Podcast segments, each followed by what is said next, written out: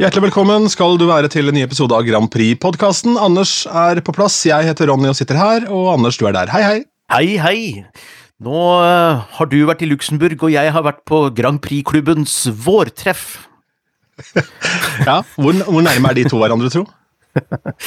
Nei, eh, altså du veit nok mer om hvordan det antakeligvis er på et eh, vårtreff i Grand Prix-klubben enn jeg vet hvordan det er i Luxembourg, kanskje. Fordi Luxembourg Altså, Luxembourg er for meg Det er Grand Prix, skjønner du. Altså, det er Eurovision. Det er jålete, det er skjerf, det er menn som pynter seg i gulldresser. Eh, det, det, er, det, det er på en måte sånn gullregnpyro idet du går inn på kjøpesenteret i Luxembourg. Altså, det er så eksklusivt og litt jalla samtidig, er mitt, det er mitt bilde av Luxembourg. Og et Grand Prix-klubben er ikke så langt unna, egentlig. Ja, jeg må jo til eh, på en måte Luxemburgs forsvar, da, i form av denne, denne fantastiske merkelappen fra Tangen, si at jeg var der på en søndag og en mandag, og det er kanskje ikke de dagene det ble mest hold i gang. Nei, nei, nettopp. Nei, Nei. men det, det kan være. Uh, nei, men de var jo med i uh, Eurovision i mange år, og de hadde jo ikke så mange egne artister nødvendigvis å, å, å stille med, men eh, jeg tror jeg har nevnt det før en gang, men min store crush var jo Corinne Hermé i 1982 med Sali Vie et cadeau. Um, og Corinne her med, hun plutselig begynte å følge meg på Insta, og jeg ble jo helt starstruck, men uh, jeg har jo blitt 55 år siden da, og hun er 63, så det var liksom ikke sånn For så vidt ikke de samme Det var ikke den samme kjemien som var i 1982, må jeg innrømme, altså. Det var kanskje ikke så spennende lenger når kjemien gikk begge veier. Det var mest spennende i 1982, da du bare var interessert i henne. Ja, det, det, det var jeg virkelig. Hadde, altså, hun var virkelig vakker. Hun ligna litt på Hadde liksom øya til Elvis. Eh, men jeg var jo ikke på Elvis sitt lag når det gjaldt liksom å være forelska i han. Men, men eh, en, en, en dame som ligna litt på Elvis, kunne, kunne gå, altså. Ja. Ja, det er bra. Ja, vi spurte da en taxisjåfør i Luxembourg da, på en måte om det var noe vi burde se, for jeg hadde jo en hel dag der før, uh, før eh, konserten. sånn, ja, Hva bør vi liksom få med oss i denne byen? Uh, og da var det noen gruver, han var veldig interessert i å vise oss noen gruver. Så tenkte vi ok, det, ja, det orker jeg ikke. Så vi endte opp da med ja, stort sett ikke se eller var det andre gruver? Var det bitcoin de utvinna, eller var det andre ting? Jeg hadde inntrykk av at det var en annen type mining, altså, for uh, okay. det blir jo ofte sånn bitcoin-mining er jo bare datamaskiner, det. Det er jo det. Men det hadde vært kult da, hvis de da hadde sendt oss i en gruve, og så var det bare en svær datapark. Det var stilig. Ja, det var ok. Nei, men jeg, jeg var jo på Grand Prix-klubbens treff, eh, vårtreff. Det er jo, har jo vært en tradisjon. Jeg, jeg har vært med i klubben der mer eller mindre siden 1993. Det var vel omtrent den tida det starta, og da var disse her klubbtreffene utrolig ordentlige eh, på eh, 90-tallet. Eh, da møttes vi gjerne i en sånn konferansesal eh, på et eller annet hotell, sånn i 11-12-tida på formiddagen, og drakk eh, brus. Og eh, hadde litt sånn åresalg, holdt jeg på å si. Det var ikke åresalg, men det var litt sånn loddsalg, og så kunne du kanskje vinne ja, vinne noen CD-er, og så, og så så, vi, så vi veldig alvorlig på dette årets låter. Fordi det var på en måte da første gangen vi fikk høre dem. Det var liksom litt stas å komme dit og høre låtene. Men nå har jo alle hørt låtene når vi har dette vårtreffet, så, så nå er det da eh, treff klok fra klokka tre til klokka ti, altså sju timer på Josefines vertshus i Oslo, med øl og vin og full pakke, så vi får ikke med oss veldig mye låter, og, eh, men vi stemmer. Vi, vi, jo, vi, gir, vi stemmer jo på de låtene, og det gjør jo Grand Prix-klubber over hele verden, faktisk, har sånne avstemninger, eh, eller i hvert fall i Europa. Og det er jo alltid spennende å følge med på. Hvordan går det på denne pollen til Grand Prix-klubbene rundt omkring? Og nå begynner resultatene å komme, Ronny. Og, eh, og det norske resultatet ble jo kjent nå spiller vi dette på mandag kveld, og de norske resultatene ble kjent i kveld. Og der er det et par ting som jeg syns er interessant. Fordi den norske Grand Prix-fansen har altså ikke Ukraina i sin topp ti. Og det er jo et eh, Om, om det er et interessant signal, det vet jeg ikke. Fordi disse her Grand Prix-klubbens resultater, de ah, de har ikke alltid vært til å stole på, altså. De hadde jo um, i for eksempel i 2010 så var det Michael von der Erde uh, som var den store favoritten til Grand Prix-klubben i Norge til å vinne alt sammen. Og han kom på 17.-plass i sin semi, og kom ikke til finalen engang. Så, så sånne ting skjer av og til. Og det er noen år siden uh, Grand Prix-klubbene har truffet blink, men det følges liksom litt med, da. fordi det morsomme er jo hvis dette henger Hvis det slår Altså hvis det harmonerer som noenlunde med oddsen, og det gjorde jo det norske resultatet i år, fordi de hadde Italia på topp, Sverige på andreplass, Storbritannia på tredje og Frankrike på fjerde. Så, så det, vi nærmer oss litt oddsresultatet i år, og det er litt spennende. Hva med eget lands bidrag, kan man si noe om det i denne avstemningen? Det var en avstemning om hvor man tror Norge kommer til å havne, men det resultatet har ikke jeg sett ennå, i hvert fall. Så øh, jeg vet ikke hvordan det, øh, hvordan det ligger an øh, akkurat nå, må jeg si. Men denne lista er i hvert fall utarbeida ut fra at Norge da ikke er med som i og med at det er vi som lager den. Ja, du kan ikke stemme på deg selv. Og, og det legges litt vekt på disse OGA-avstemningene, altså Organisation General des Amateurs de Eurovision, som det heter. og de har fått en konkurrent! Altså, det, er, det, er, det er liksom sånn Grand Prix er Grand Prix-miljøet er jo lite, og det er sært, men det, det er en stort nok til at det her er det mulig å lage konkurrerende foreninger. Og det er altså noe som heter Internasjonal Grand Prix-klubber også, og de har annet en avdeling i Belarus. De kaller seg for INFE. Eh, International Fans The Eurovision eller noe sånt noe. Eh, og det er jo virkelig helter, fordi uh, altså Hviterussland er jo ikke med i år engang, men de har full pakke. De har fester i Hviterussland, og de sitter og stemmer over låtene. Og hvem har Hviterussland gitt tolv poeng? De har gitt tolv poeng til Subwoolfer og Norge. Så, ja, det er bare det at de, de, kan jo ikke stemme heller, fordi de er utestengt av det gode selskap.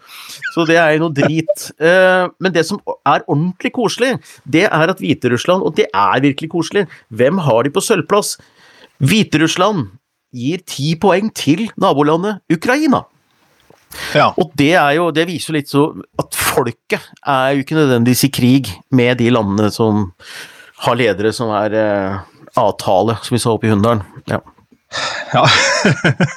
det er et bra uttrykk. Jeg liker avtale, det. Ja. Men vet vi noe, noen, noen andre lands ja. Vet vi noe om andre lands uh, resultater, da? Ja da, det er eh, flere her. Vi, har, vi kan se f.eks. Bulgaria. Eh, de hadde Italia også på topp, og de ga Norge tre poeng. Eh, Albania ga oss vel ingenting. Latvia ga oss faktisk åtte poeng. Og Hellas ga Norge ingenting. Slovenia ga oss fire poeng, og um, Frankrike ga oss tre. Så det det viser foreløpig, da, hvis du slår alt dette her sammen, så ser du da at uh, ut fra alle landene og der vi ligger an nå, så ligger Norge på en sånn åttendeplass hos Grand Prix-fansen rundt omkring i Europa, og det er akkurat det samme vi gjør i oddsen. Så når de Så det, det er, gir det kanskje en bitte liten pekepinn. Mm. Kanskje. Kanskje. Vi kan ikke legge for mye vekt på det, men vi kan uh, vente og se. Det er vel egentlig det man må gjøre uansett. Det er for tidlig. Altså, det er når prøvene begynner, at du begynner å kunne antyde noen ting ut ifra eh, sånne målinger og oddsen. Men jeg har vel ikke sett en vinner av Eurovision som på dette stadiet, altså en måned tid Hvis du ikke er i topp 15 nå, så skal det mye til at du vinner.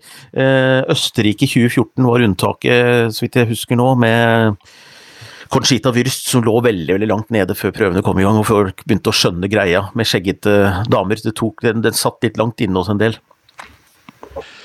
Ja, det var jo et fenomen, det der, uten tvil. Det var det, og det er jo mye diskusjon om låta var så bra til å vinne, eller om det vant på konseptet, og den diskusjonen kan vi jo få hvis Ukraina vinner i år også, ikke sant. Er det låt, eller er det konteksten den står i? Så vi får nå se.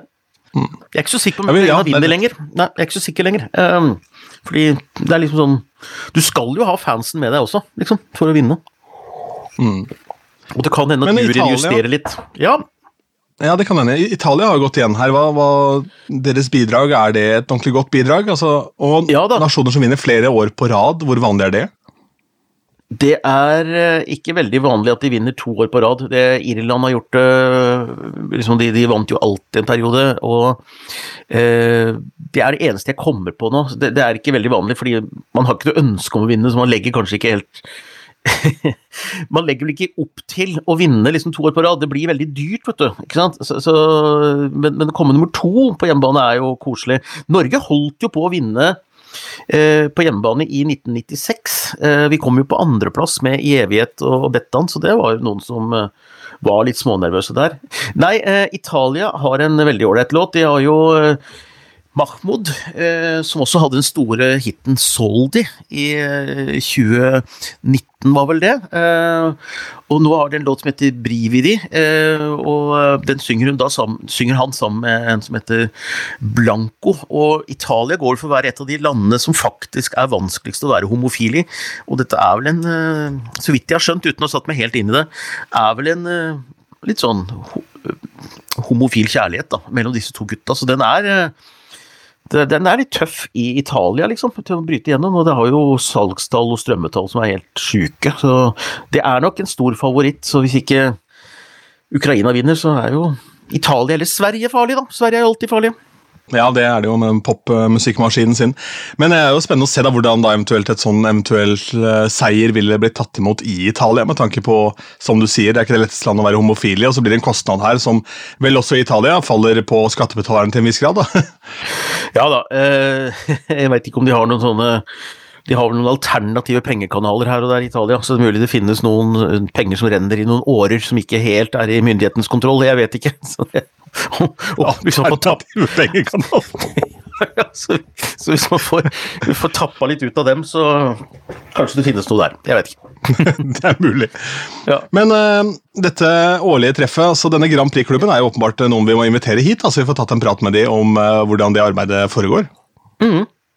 Det syns vi skal gjøre. Eh, Morten Thomassen han skal vi ha som gjest. Han har jo vært med på er det 25 eller 26 internasjonale finaler nå, så han kan, kan jo dette her ut og inn. Og, og han er en sånn uh, han er ikke sånn supernerd som kan alt av resultater uten videre, han heller, men han, har, han er utrolig kunnskapsrik om Eurovision. Jeg er en sånn synser som, som syns det er moro å få seg slags overblikk over dette årets sesong, men Morten og sånn, han kan jo da veldig mye om eh, historikken og regler i EU, eller EBU, ikke sant, og kan alt dette her på rams, da, så han er en veldig interessant fyr å snakke med, så det må vi gjøre. Det var veldig gøy med Stig forrige uke, så det var gjest er jo en hyggelig ting.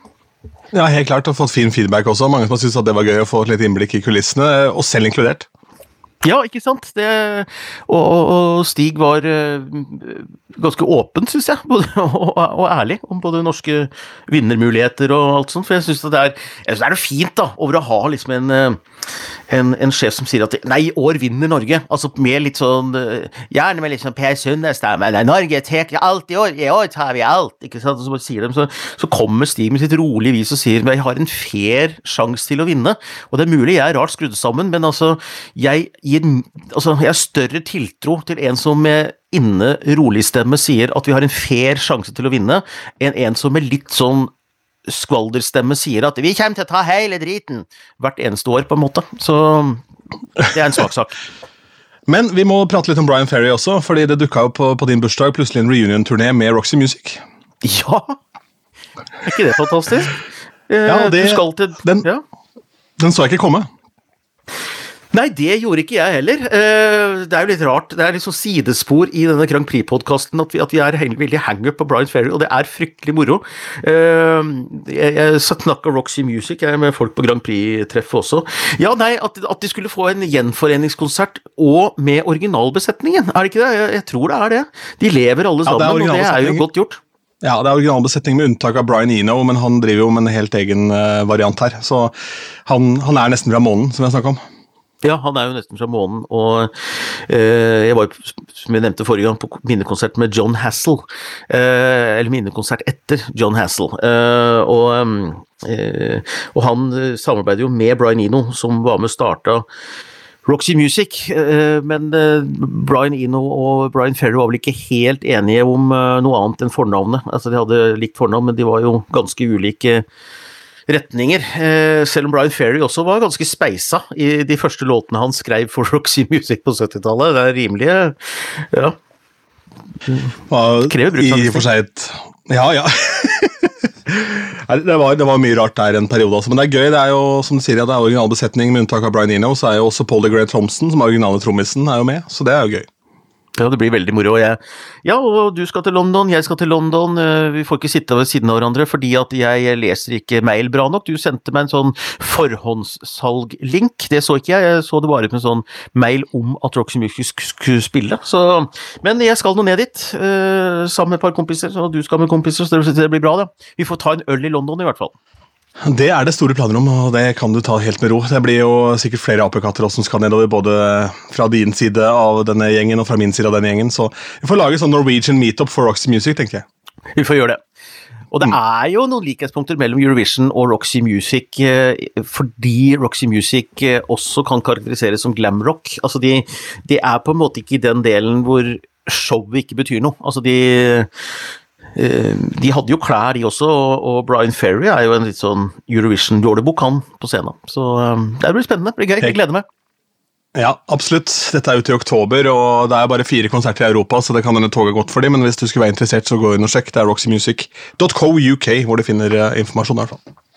Jeg tror det er utsolgt, men jeg vet ikke. Ellers så starter jo, ellers så har jeg hørt at folk har vært nå på innspillingen av dette her eh, adresseprogrammet som går på TV hvert år, ikke sant? hvor de presenterer eh, årets låter. Og eh, jeg har ikke vært på opptak i år. Eh, og det er jo eh, Det sies at eh, det blir underholdende og bra. og det er jo mye diskusjon om hva det skal være, da. Jeg, jeg, jeg syns jo det var så dårlig i fjor, mye av det, at uh, det var flaut. Uh, da Else Kåss Furuseth satt der og ikke hadde forberedt seg på noen ting, og ikke skjønte noen ting om hva den spanske teksten handla om. Og, uh, og, det var altså en, en, artist som hadde skrevet en sang om at han mistet bestemora si i covid. det syns hun var hysterisk morsomt, og dette syns hun virka mer som en sketsj enn en melodi, som gjorde da at NRK ved Stig Karlsen i spissen måtte drive og sende sånn beklagelsesmail ned til den spanske delegasjonen for dette gikk jo på Twitter og ble en sånn Det ble en ordentlig pinlig sak. fordi du kan gjerne si det, gi det terningkast én, men du må på en måte Altså når du, når, du, når du, får for NRK æren av å sitte i det panelet, så les nå teksten, da! Den ligger jo ute på Eurovision TV. Forbered deg. Hva er greia? Hva er greia med Else, stakkar? Altså, hun er jo åpenbart uh, Dette her må jo være en nemesis for henne. Fordi ja. altså, Hun har jo dukket opp da i norske finalen, eller delfinalen her med noe Var det krabbe hun var? Ja, hun var i uh, krabbe og skulle ødelegge et intervju med Els, Else Kåss Nei, jeg mener eh, Else Bay. Ja. Nei, men Det er jo én ting. Og så, Jeg kjente ikke til dette, da, men denne historien fra i fjor var Vi må jo prate med Else Kåss, for hun er jo en jævlig hyggelig dame som pleier jo ikke å ha noe. Det er hun, og, og er det noen som må være litt sånn lei seg over dette, så tror jeg det er henne. Eh, men jeg tror, min mistanke Else Kåss, du får bare komme, og så får du snakke. Det er jo sånn podkaster gjør det nå, at man går litt ut og sier ting, og så, så blir det gjester.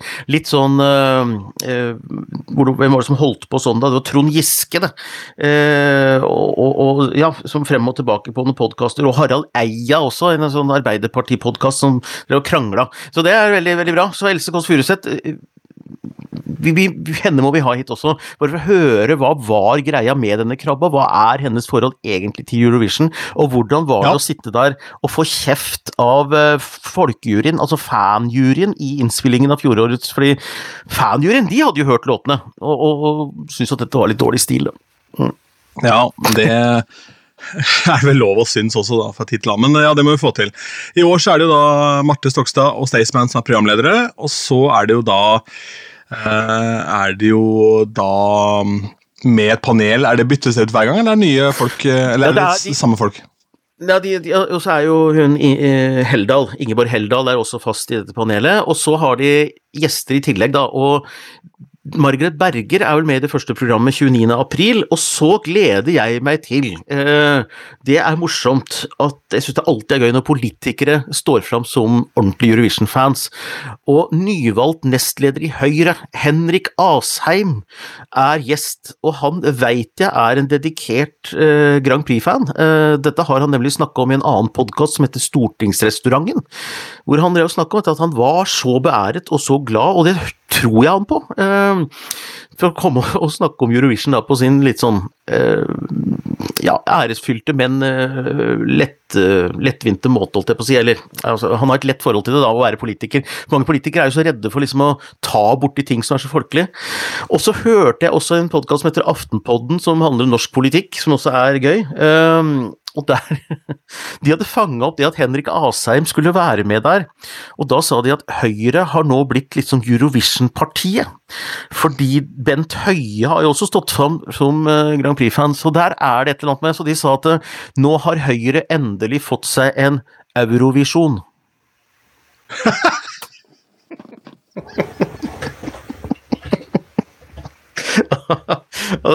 og det, det, er bra. Og, og, og det, og det å snakke om at nei, det, det virka som at de, de, trodde det kanskje var en strategi fra Høyre å prøve å være litt folkelige, men ikke sånn dansebandfolkelige, som de sa det. Fordi Eurovision er ikke dansebandfolkelig. Men det er folkelig på en annen måte, men det er innafor dette folkelige greia. Så det, det fikk meg til å tenke at det er faktisk forskjell på ulike typer folkelighet også, fordi dansebandpublikummet er jo ikke det samme som Eurovision-publikummet, på ingen måte, men begge deler er ekstremt folkelig. Så det er eh, Nei, så det her har det vært podkast og masse moro om Eurovision fra ulike synsvinkler denne siste uka, altså. Deilig. Det er bare å glede seg. En ny uke er i anmarsj. Eh, vi er tilbake da om en ukes tid, vi, Anders, med nye ting både fra, fra Eurovision-scenen, og ja, det blir vel sikkert noe Brian Ferry neste uke òg. ja, jeg vet ikke hva han finner på, jeg. Uh, vi, må, vi, må, se. Vi må få han som gjest også. Den forespørselen må du sende, jeg orker ikke.